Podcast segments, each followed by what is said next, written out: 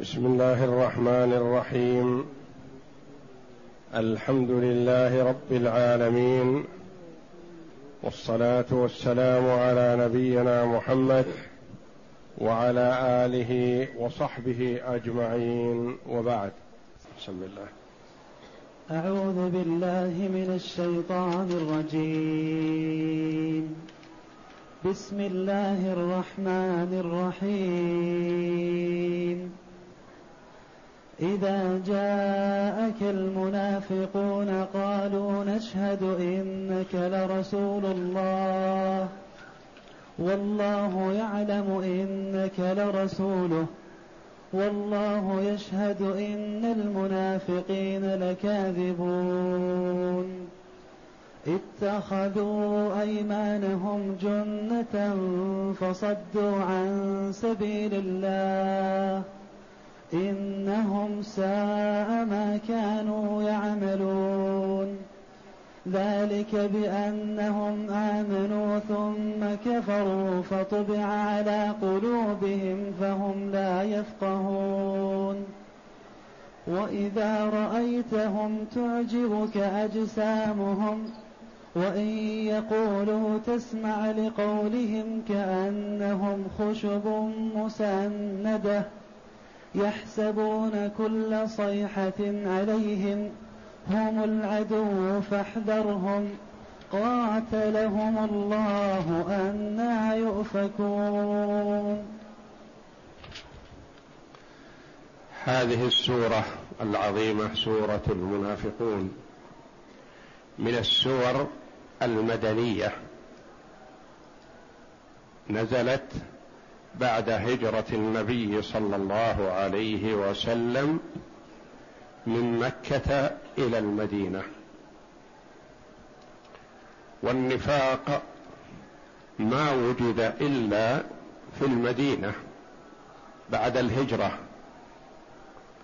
وقبل الهجرة كان النبي صلى الله عليه وسلم بمكة ولم يكن في مكة منافقون.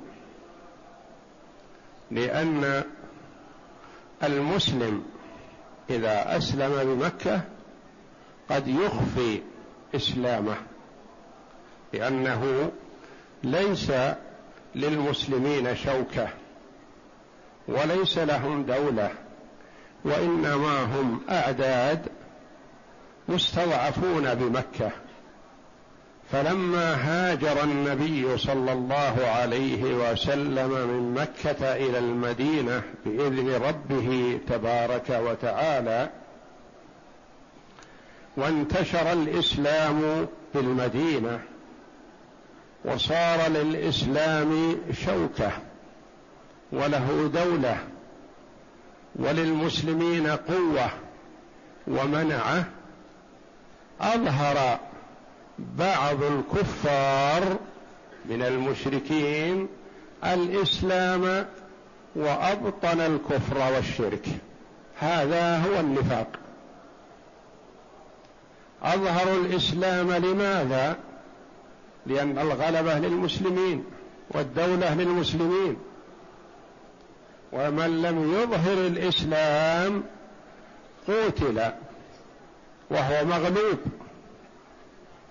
فاظهروا الإسلام لا عن قناعة ولا عن إيمان ولكن لحقن دمائهم لحقن دمائهم ولصيانة أموالهم ولحفظ مراكزهم في المجتمع لأن لهم في المدينة مراكز ولهم قيمة و لو لم يسلموا لفقدوا هذا.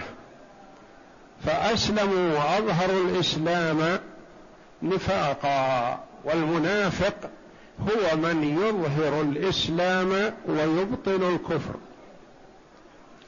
وأحكام المنافقين في الدنيا حكمهم حكم المسلمين.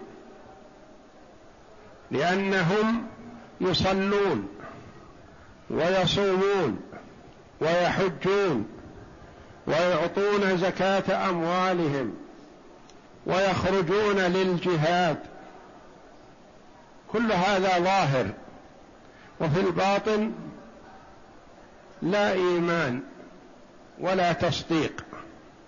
وهذه الأمور تجعلهم في الدنيا كالمسلمين كالمؤمنين. لأنه لا يعلم ما في القلوب إلا الله تبارك وتعالى. وقد أطلع الله جل وعلا نبيه محمدا صلى الله عليه وسلم على بعض المنافقين فعرفهم عليه الصلاة والسلام وبعضهم لم يطلع عليهم عليه الصلاة والسلام. ولذا لا يجوز للمرء أن يحكم على هذا الذي يصلي ويصوم ويقوم بالشعائر الظاهرة بأنه منافق لأنه لا يدرى عما في قلبه والذي يعلم ما في القلوب هو الله وحده. وهم في الآخرة والعياذ بالله في الدرك الأسفل من النار.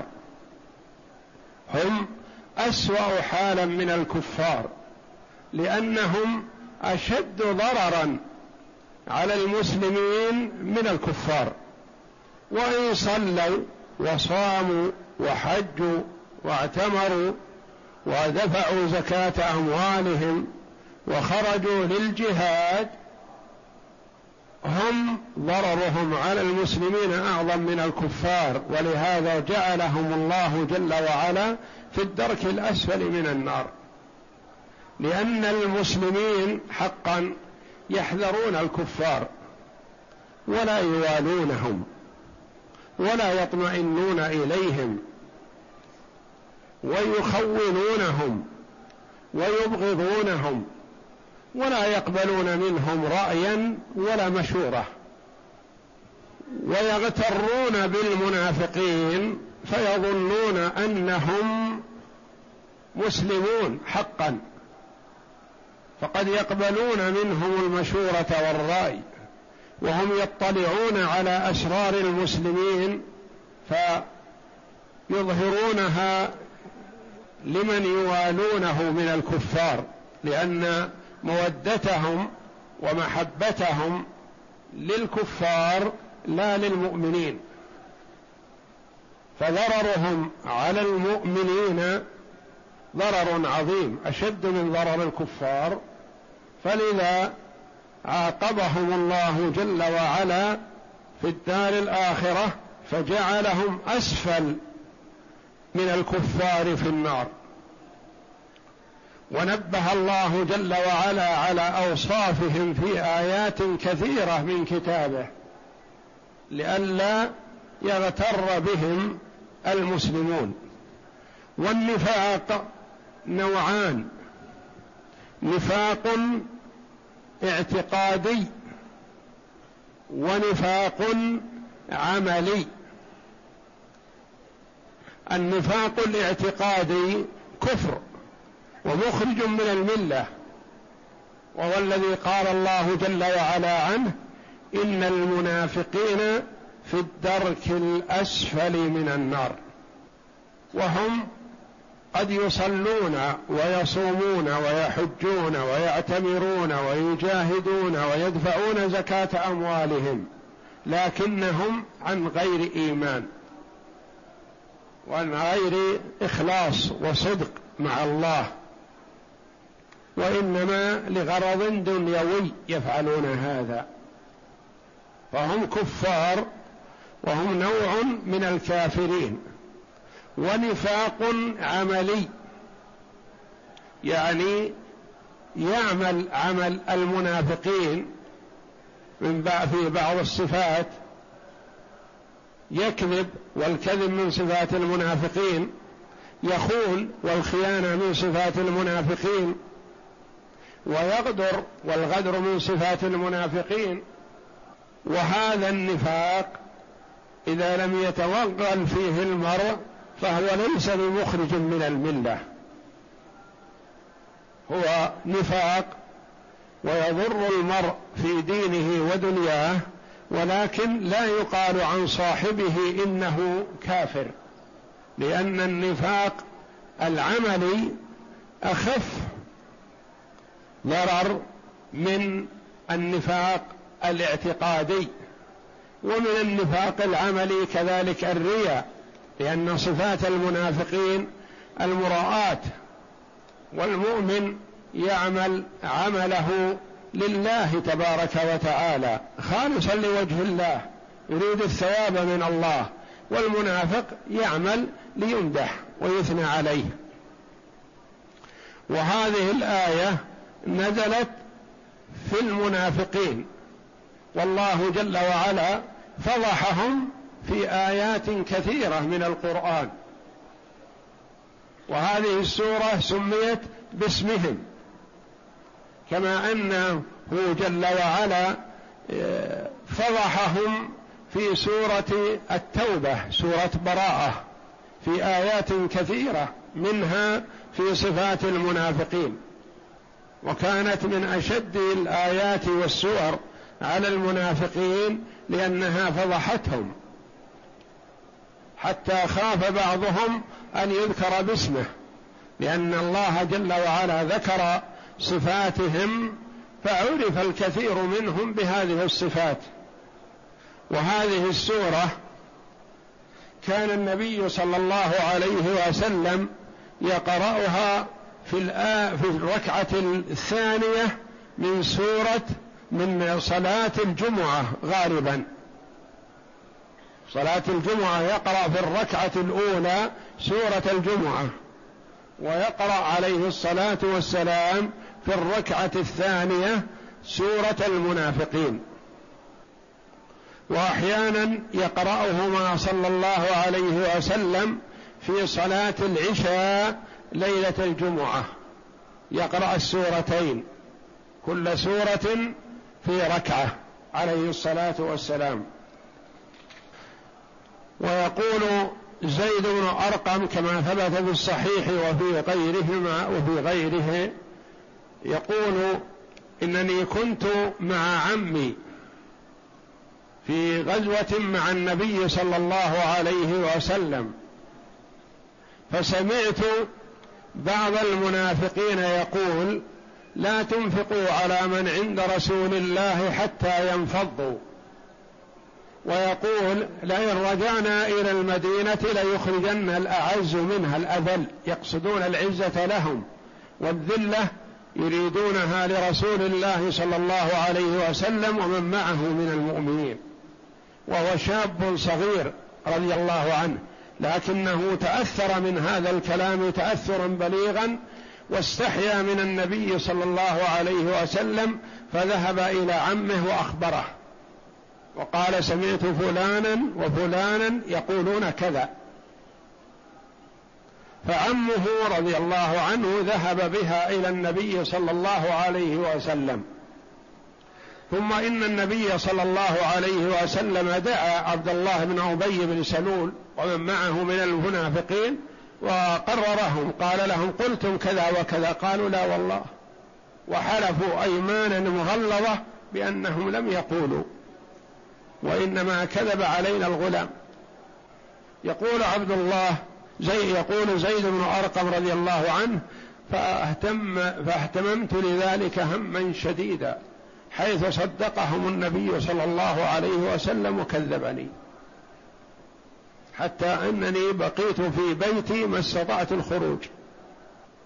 فإذا بي مرة قد حول النبي صلى الله عليه وسلم فأخذ بأذني وعركها وضحك في وجهي. يقول فكانت هذه تساوي عندي الدنيا وما فيها. لأني خشيت أن الرسول غضب علي من نقل الكلام الذي نقلته. فلحقني أبو بكر فقال له فقال لي هل قال لك النبي صلى الله عليه وسلم شيئا؟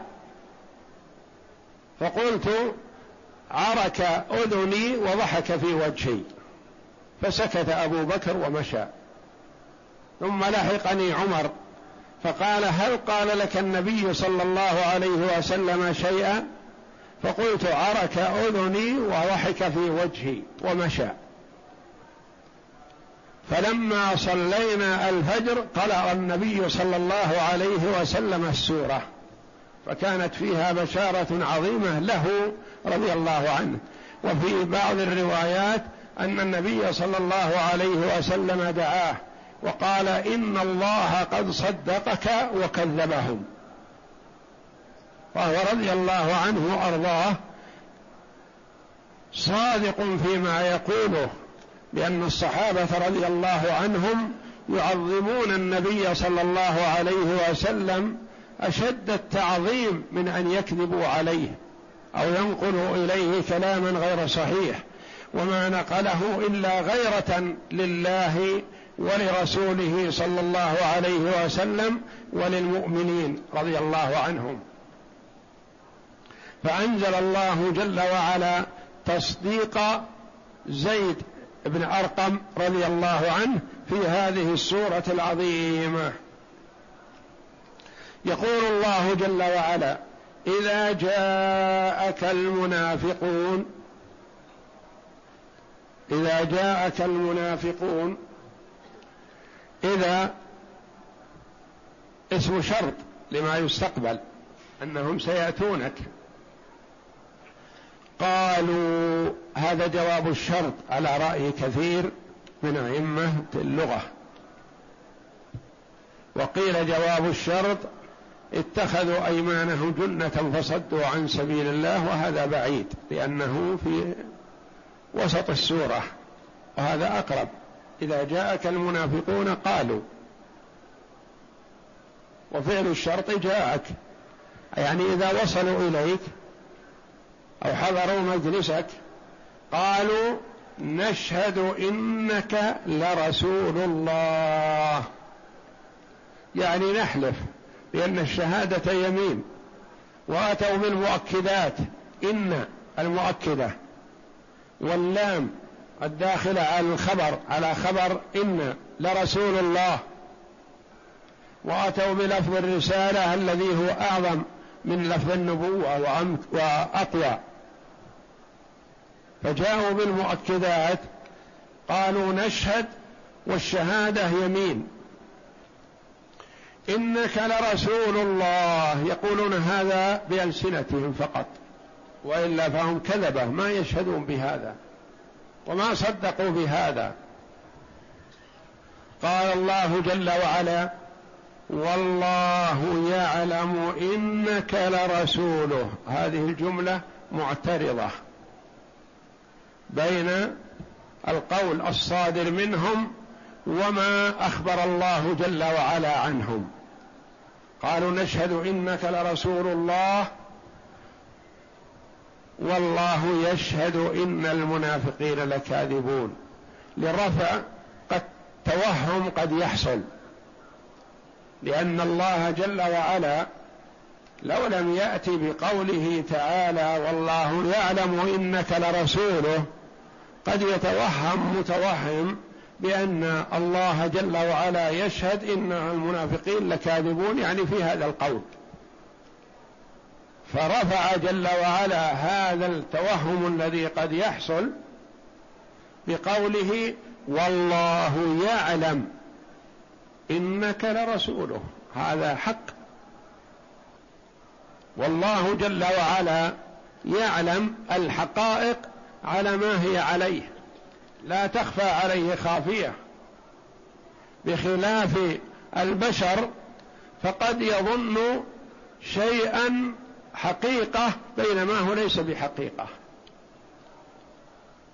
قد يسمع بعض الناس شهادة المنافقين بأن محمدا رسول الله فيظنون أنهم على حق يعني على صدق وعلى إيمان. وربما ودوهم وأحبوهم لهذا.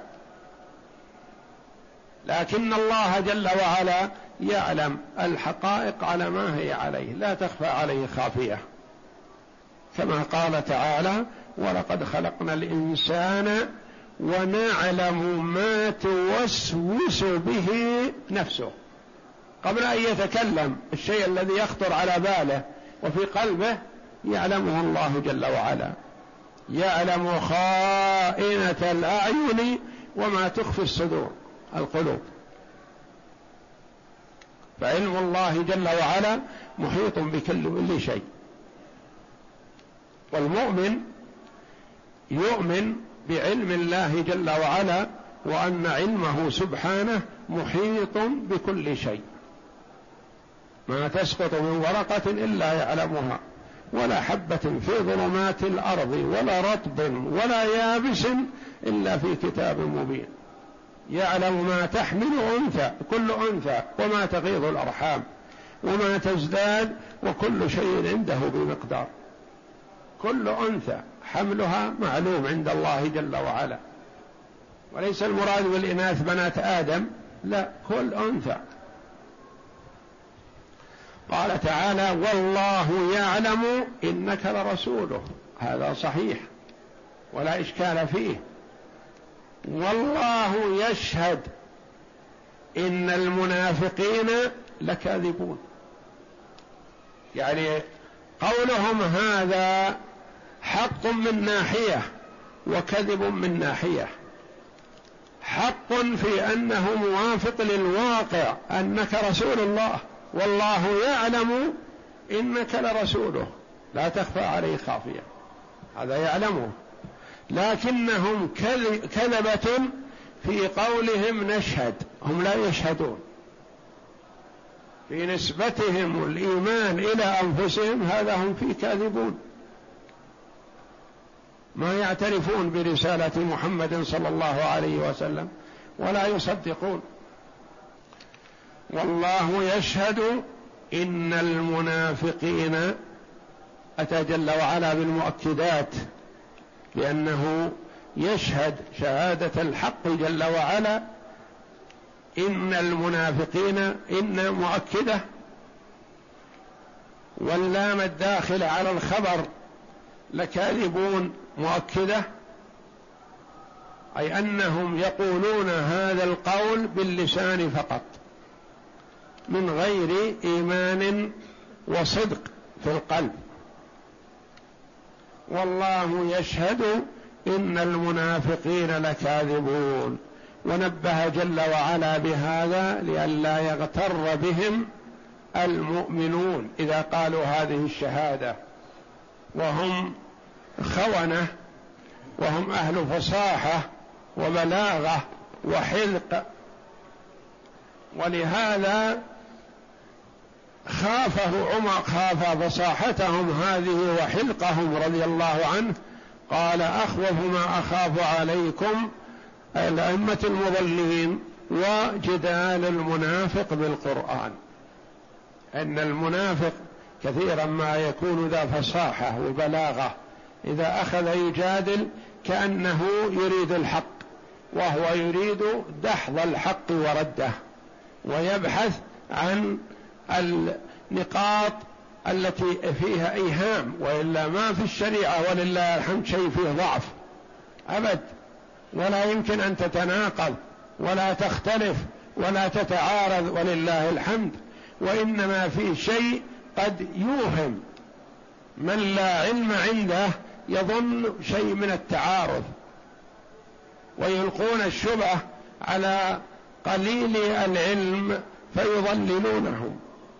والله يشهد إن المنافقين لكاذبون في اعتقادهم وقولهم عن أنفسهم إنهم يشهدون أنك لرسول الله.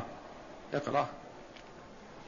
يقول تعالى مخبرا عن المنافقين أنهم إنما يتفوهون بالإسلام إذا جاءوا النبي صلى الله عليه وسلم فأما في باطن الأمر فليسوا كذلك. بل على الضد من ذلك. ولهذا قال الله تعالى إذا جاءك المنافقون قالوا نشهد إنك لرسول الله. أي إذا حضروا عندك واجهوك بذلك وأظهروا لك ذلك وليس كما يقولون. ولهذا اعتراض بجملة مخبرة أنه رسول الله فقال والله يعلم إنك لرسوله.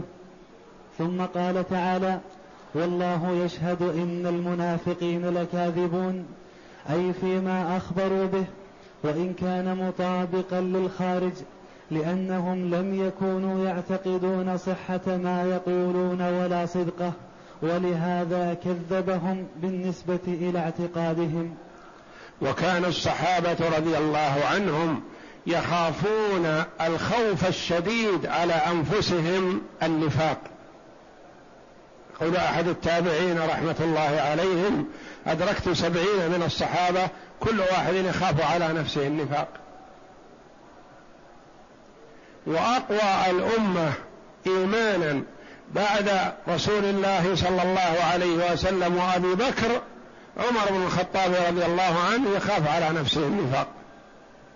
يأخذ بيد حذيفة بن اليمان رضي الله عنه الذي أعطاه النبي صلى الله عليه وسلم أسماء بعض المنافقين. قال له أسألك بحقي عليك لأنه ولي الأمر وحقه الطاعة رضي الله عنه وأرضاه. أسألك بحقي عليك هل سماني لك رسول الله صلى الله عليه وسلم من المنافقين؟ فمن يأمن على نفسه النفاق بعد تخوف عمر رضي الله عنه الذي ما سلك طريقا إلا سلك الشيطان طريقا غير طريق عمر. يخاف من عمر في الطريق ما يسلك الطريق الذي فيه عمر رضي الله عنه لقوة إيمانه وصلابته في الحق. ومع هذا كان يخاف على نفسه النفاق. يقول الله جل وعلا والله يشهد إن المنافقين لكاذبون. اتخذوا أيمانهم جنة فصدوا عن سبيل الله. قد يقول قائل يا ربي يا رسول الله لما يحلفون هذه الأيمان المغلظة؟ ما الفائدة من هذه الأيمان؟ يبين جل وعلا غرضهم من هذه الأيمان. قال اتخذوا أيمانهم. أيمان جمع يمين لا إيمان. وفي قراءة إيمانهم. اتخذوا أيمانهم جنة. معنى جنة يعني سترة. وسميت الجنة جنة لأنها تستر ما تحتها بالتفاف الأشجار. وسمي الجن جن لأنهم مستترون ما يظهرون. اتخذوا أيمانهم جنة يعني ستر. حلفوا هذه الأيمان ليجعلوها وقاية لهم من أن يقاتلوا. لأنهم كفار مثل اليهود والنصارى. يستحقون القتال. لكنهم ستروا كفرهم بهذه الأيمان وهذه الأعمال التي يعملونها ظاهرا. اتخذوا أيمانهم جنة. فصدوا صدوا منعوا عن سبيل الله. يعني صرفوا الناس عن قتالهم تقربا إلى الله. أو صدوا عن سبيل الله يعني يصدون عن سبيل الله باسم المؤمنين باسم الإيمان. إذا عزم المؤمنون مثلا على قتال الكفار قالوا لا لا تقاتلوهم لكذا وكذا وكذا ويأتون بتعليلات وأشياء لا حقيقة لها ولكن من باب التثبيط للمؤمنين عن القتال والجهاد في سبيل الله. يعني حلفوا إنهم من المؤمنين وكأنهم يقولون ما يقولونه على سبيل المشورة. وعلى سبيل أن في ذلك مصلحة ونحو هذا. فصدوا بأيمانهم هذا وبأقوالهم عن سبيل الله. إنهم ساء ما كانوا يعملون. يعني عملهم هذا سيء فهم أسوأ حالا من الكفار لأن الكافر يظهر كفره. فيقاتل ويجاهد ولا يقبل منه مشورة ولا رأي. إنهم ساء ما كانوا يعملون. هذا عمل سيء في الدنيا. ينالون عقوبته في الدار الآخرة. إنهم في الدرك الأسفل من النار. يعني تحت الكفار. نعم. اتخذوا أيمانهم جنة فصدوا عن سبيل الله أي اتقوا الناس بالأيمان الكاذبة والحلف الآثم ليصدقوا بما يقولون فاغتر, فاغتر بهم من لا يعرفهم. فاعتقدوا أنهم مسلمون فربما اقتدى بهم فيما يفعلون به وصدقوا فيما يقولون وهم من شأنهم. أنهم كانوا في الباطل لا يألون الإسلام وأهله خبالا فحصل بهذا القدر ضرر كبير ضرر كبير على كثير من الناس. ولهذا قال تعالى فصدوا عن سبيل الله إنهم ساء ما كانوا يعملون ذلك بأنهم آمنوا ثم كفروا. ذلك يعني هذا السوء الذي حصل منهم وصرف الناس عن الجهاد في سبيل الله. لما؟ ذلك بأنهم بسبب أنهم آمنوا. هل آمنوا إيمانا حقيقي أو إيمان بالقول فقط؟ ذلك بأنهم آمنوا بألسنتهم. آمنوا بألسنتهم أظهروا الإيمان بألسنتهم ثم كفروا. يعني هل جد لهم الكفر جديد بعد الإيمان؟ كما يفهم من ثم لأن ثم للترتيب والتعقيب والتراخي أنه وجد الإيمان ثم وجد الكفر. قال العلماء لا هؤلاء من أصلهم كفار.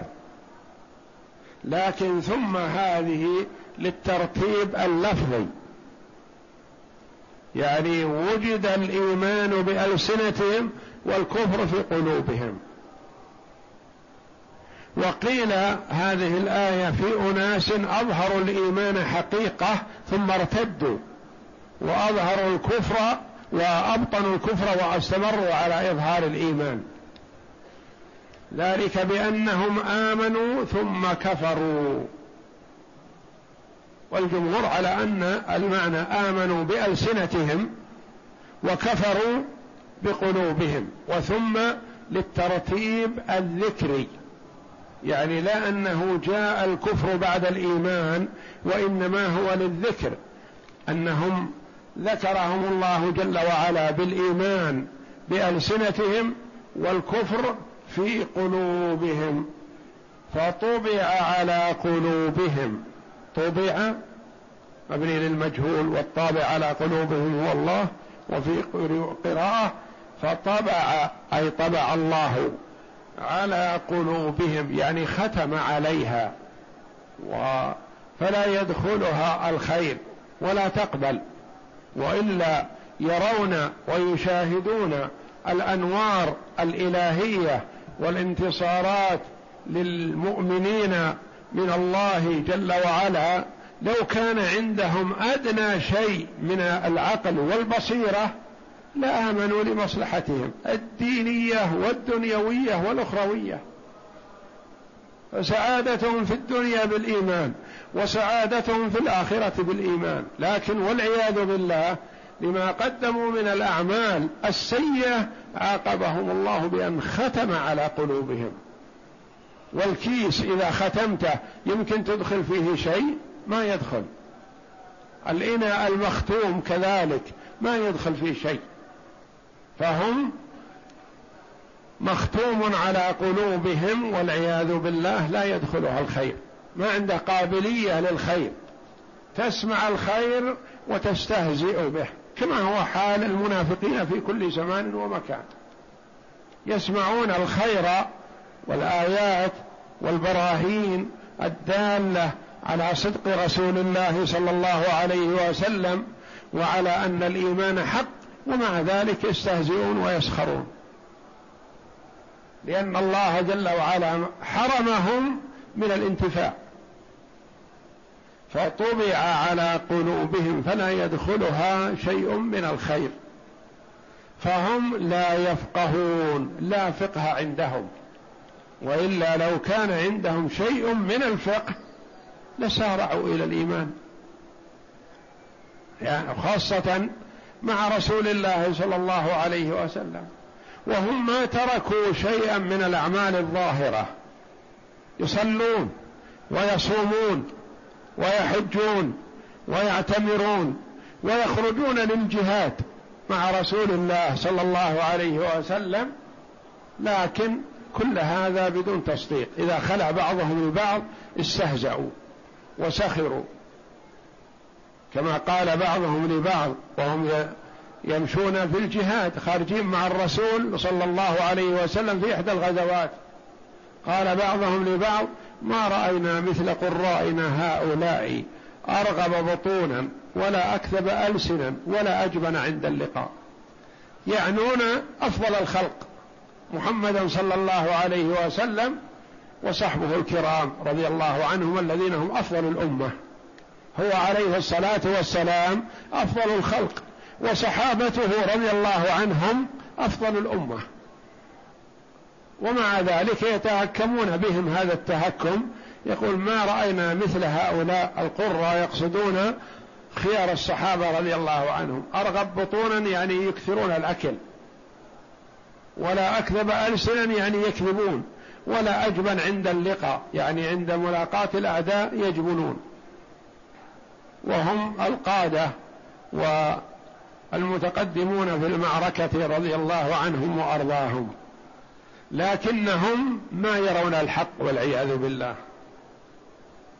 وإنما يرون الحق باطلا ويرون الباطل هو الحق يرون أن ما هم عليه من السخرية والكذب والاستهزاء والصفات التي وصفهم الله جل وعلا بها يرون أنها هي الحسنة من باب الذكاء والتحيل وحسن التخلص ونحو ذلك.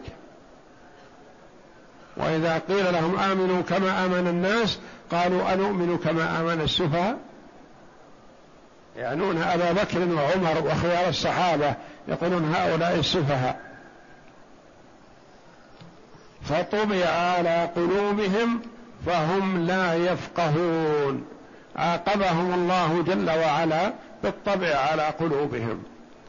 والنبي صلى الله عليه وسلم يحذر أمته من الوقوع في المعاصي وخاصة الكبائر لأنها قد تكون سببا لعقوبة المرء فيطبع على قلبه. قد تكون سببا في أن يكون سيء الخاتمة والعياذ بالله. فشؤم المعاصي على العباد عظيم. فيتقرب العبد إلى ربه جل وعلا بطاعته والبعد عن معصيته تعالى. نعم اقرأ. ذلك بأنهم آمنوا ثم كفروا فطبع على قلوبهم فهم لا يفقهون. أي إنما قدر عليهم النفاق لرجوعهم عن الإيمان إلى الكفر واستبدالهم الضلالة بالهدى فطبع الله على قلوبهم فهم لا يفقهون. فلا يصل إلى قلوبهم هدى ولا يخلص إليها خير فلا تعي ولا تهتدي. ولهذا يحذر النبي صلى الله عليه وسلم الأمة من أن يقول المرء كلمة تسخط الله جل وعلا. وإن الرجل ليتكلم بالكلمة من سخط الله لا يلقي لها بالا يهوي بها في النار أبعد مما بين المشرق والمغرب. وفي حديث آخر يكتب الله عليه بها سخطه إلى يوم يلقاه. فليحذر المسلم أن يقول كلمة تكون سببا لهلاكه وخسارته في الدنيا والآخرة. ولما قال له معاذ بن جبل رضي الله عنه وإنا لمؤاخذون بما نتكلم به يا رسول الله. قال ثكلتك أمك يا معاذ. وهل يكب الناس في النار على وجوههم أو قال على مناخرهم إلا حصائد ألسنتهم؟ يعني ما تحصده الألسنة من الكلام السيء. فليحذر المسلم أن يقول كلمة تكون سببا لسخط الله جل وعلا عليه إلى يوم يلقاه. قال تعالى وإذا رأيتهم تعجبك أجسامهم. يعني لا تغتر بمظاهرهم.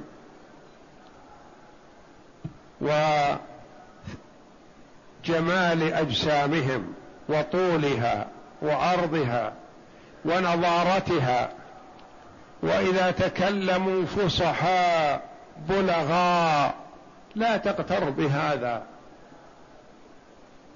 لأن الأمور ليست بالظواهر وإنما هي بما في القلوب من مخافة الله جل وعلا والإيمان به. المدار على القلب لا على الظاهر.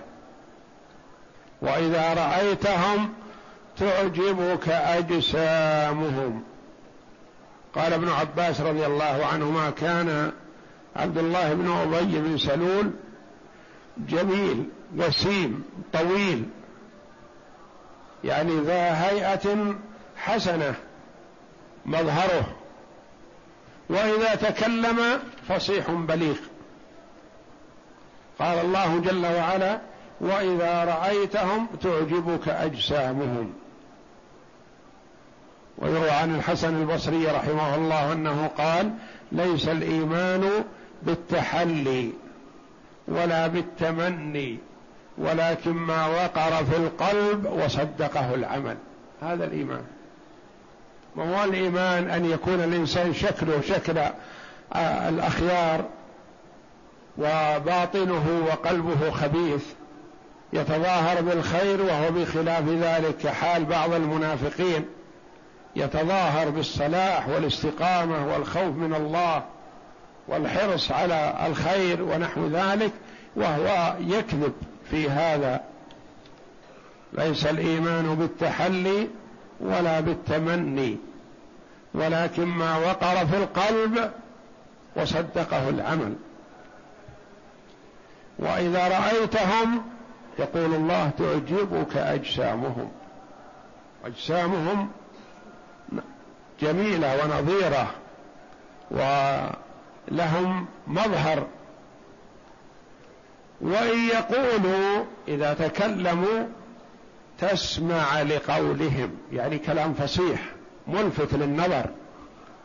من يستمع كلامهم لا ينصرف عنهم. كلامهم قوي. كأنهم خشب مسندة. يعني ما تراه وتسمعه هذا ظاهر فقط.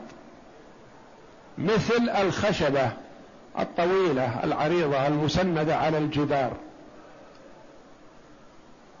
طولها ومتانتها وكذا وكذا هل يفيد شيئا؟ لا يفيد. يعني هم خلو من الإيمان هم خلو من الخير. يعني أنهم أجسام فقط والمرء بأصغريه. قلبه ولسانه. إذا كان القلب طيب نظيف صادق ولسانه كذلك ظهر آثار هذا على عمله. وقد يزعم المرء أن قلبه حسن ونظيف ومؤمن لكن ما يظهر على عمله يكون كاذب في هذا ما هو صادق لابد من التصديق بالعمل. وإن يقولوا تسمع لقولهم كأنهم خشب جمع خشبة مسندة على الجدار يعني ما هي واقفة بنفسها خشبة لا روح فيها ولا حياة. يحسبون كل صيحة عليهم. قلوبهم خائفة وجلة. مذعورة. إذا سمعوا أي صوت أظهروا الخوف والتأثر يتوقعون إن هذا عليهم لأنهم يعرفون ما في قلوبهم من النفاق فهم دائما في خوف. والمؤمن الصادق مع الله جل وعلا ما يخاف إلا من الله فيعمل العمل الصالح. ولا يخاف من غير الله لأن ما أصابه من غير الله إن كان خيرا فهو نعمة من الله وإن كان شر فصبر عليه فهو مأجور عليه. عجبا لأمر المؤمن إن أمره كله له خير. إن أصابته ضر فصبر كان خيرا له وإن أصابته سر فشكر كان خيرا له. فهو في حال السر يشكر وفي حال الضراء يصبر والمنافق في حال السر يبطر يكون بطر متكبر متعاظم وفي حال الضراء يكون يأس قنط عنده يأس وقنوط وعنده تسخط على قضاء الله وقدره يحسبون كل صيحة عليهم يعني إذا سمعوا صوت عالي أحد يسأل عن شيء أو يرفع صوته ويبحث عن شيء أو نحو ذلك قالوا هذا يقصدنا هذا يريدنا. نزل القرآن بفضيحتنا نزل بقتلنا لأنهم غير مطمئنين يحسبون كل صيحة عليهم هم العدو. تقديم الضمير المنفصل للاختصاص يعني كأنهم العداوة الحقيقية فيهم ليست اليهود أو النصارى يعني هم أشد من اليهود والنصارى هم العدو فاحذرهم. هم العدو حقيقة لأنهم بين صفوف المؤمنين ويعيشون مع المؤمنين فاحذرهم. هم العدو فاحذرهم. قاتلهم الله. أبعدهم الله. وقاتلهم ولعنهم وأخزاهم أنا يؤفكون كيف يصرفون عن الحق وهو واضح جلي قاتلهم الله أنا يؤفكون كيف يصرفون عن الحق كيف يبتعدون عن الحق وهو واضح جلي والرسول عليه الصلاة والسلام كل ما يأتي به صدق وحق ولا يعرف الكذب عليه الصلاة والسلام لا في صغره ولا بعد نبوته. ما عرف الكذب وهو صغير عليه الصلاة والسلام حتى يكون يشك فيما يقوله بعد كبره عليه الصلاة والسلام. و علامات صدقه صلى الله عليه وسلم واضحة جلية. وعلامات صدقه فيما يدعو إليه من الإيمان بالله جل وعلا واضحة جلية. لكن هؤلاء صرفوا عن الحق والعياذ بالله بسبب سبب ما صدر منهم من الأعمال الصالحة. قاتلهم الله لعنهم وطردهم وأبعدهم. أنا يؤفكون كيف يصرفون عن الحق؟ وهو واضح جلي. واضح لا غبار عليه الحق بين. اقرأ. وإذا رأيتهم تعجبك أجسامهم وإن يقولوا تسمع لقولهم أي وكانوا أشكالا حسنة وذو فصاحة ألسن وإذا سمعهم السامع يصغي إلى قولهم لبلاغتهم وهم مع ذلك في غاية الضعف والخور والهلع والجزع والجبن. ولهذا قال تعالى يحسبون كل صيحة عليهم أي كلما وقع أمر. كما يقال كاد المريب أن يقول خذوني يعني يدل على نفسه مثل السارق. السارق يسرق الشيء ثم يدل على نفسه بكثرة التفاته وتخوفه. يظن أنه لحق يظن أنه أدرك وهكذا. فالمريب يفضح نفسه والعياذ بالله بما يصدر منه. نعم. أي كلما وقع أمر أو كائنة أو خوف يعتقدون لجبنهم أنه نازل بهم كما قال تعالى أشحة عليكم فإذا جاء الخوف رأيتهم ينظرون إليك تدور أعينهم كالذي يغشى عليه من الموت فإذا ذهب الخوف سلقوكم بألسنة حداد أشحة على الخير. أولئك لم يؤمنوا فأحبط الله أعمالهم وكان ذلك على الله يسيرا. يعني يعملون الأعمال الظاهرة أعمال المسلمين لكن الله جل وعلا أحبطها لأنهم لم يصدقوا. ما فعلوها عن إيمان وإنما فعلوها لأجل حفظ أموالهم وحقن دمائهم وبقائهم بين الناس وهكذا. فهم فعلوا هذا لمصلحه دنيوية فقط. والله أعلم. وصلى الله وسلم وبارك على عبده ورسول نبينا محمد وعلى آله وصحبه أجمعين.